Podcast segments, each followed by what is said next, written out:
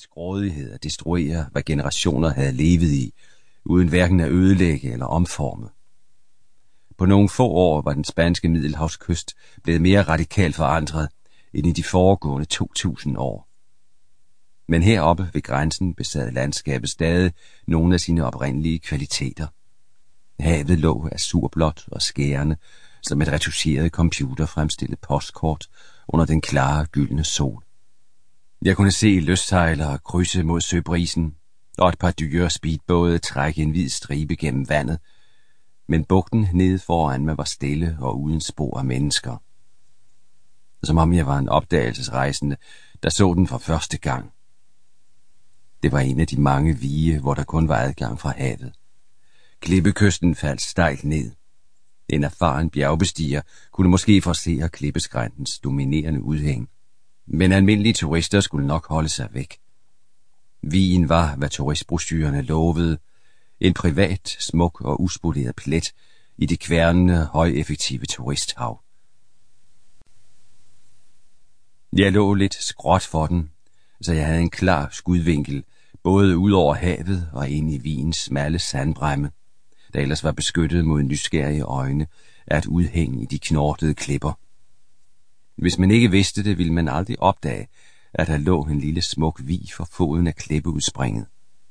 To takkede klippeblokke, nogle få meter ude, skjulte endnu det grå, pulveragtige sand for nysgerrige blikke fra søen. Med mindre de med kikkert gjorde sig umage og vidste, hvad de skulle kigge efter, var stedet uforstyrret. Det var et perfekt sted at være alene, eller at være alene to. Turtelduerne har valgt sig et godt sted, tænkte jeg på dansk, som jeg ofte gjorde, når jeg lå alene og ventede på et hit. Hvor jeg både samlede mine tanker om de få hundrededel af sekunder, der adskilte mig fra succes eller fiasko, og samtidig lod tankerne vandre og lave snoninger i erindringens labyrint. Tænkte på mine elskede to, eller genkaldte mig film og bøger og kærlighedsaffærer i et forsøg på at lade tiden blive til intet. Til nada, til en ikke eksisterende tilstand, så kedsomheden ikke gik over i utålmodighed, så man ikke var parat, når øjeblikket, sandhedens øjeblik var inde når forskellen mellem succes og fiasko kun var få hundrededele af et sekund. Jeg holdt øje med speedbådene. Den ene gik i stærk fart ned langs kysten og trak sin kølvandstribe efter en lineal. Men den anden ændrede kurs og satte farten ned og sejlede ind mod den lille bugt. Det var en stor 20-fods skinnende hvid motorbåd med smukke, slanke linjer. På fordækket lå en ung kvinde, kun iført sorte Ray-Ban solbriller. De klædte hende.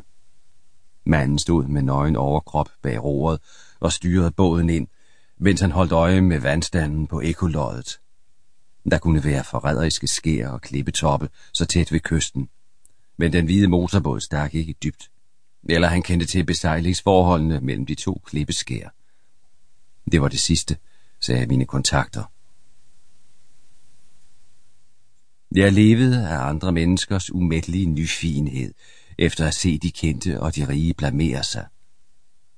Selvom jeg havde 20 års erfaring med moderne menneskers grådighed og magtbegær, overraskede det mig alligevel stadig, at så mange store mænd var villige til at ofre karriere, ægteskab og position for at få sex. At de var så sikre på deres usårlighed, at de var villige til at tage store chancer for at få lejlighed til at bevise, at de stadig var mænd.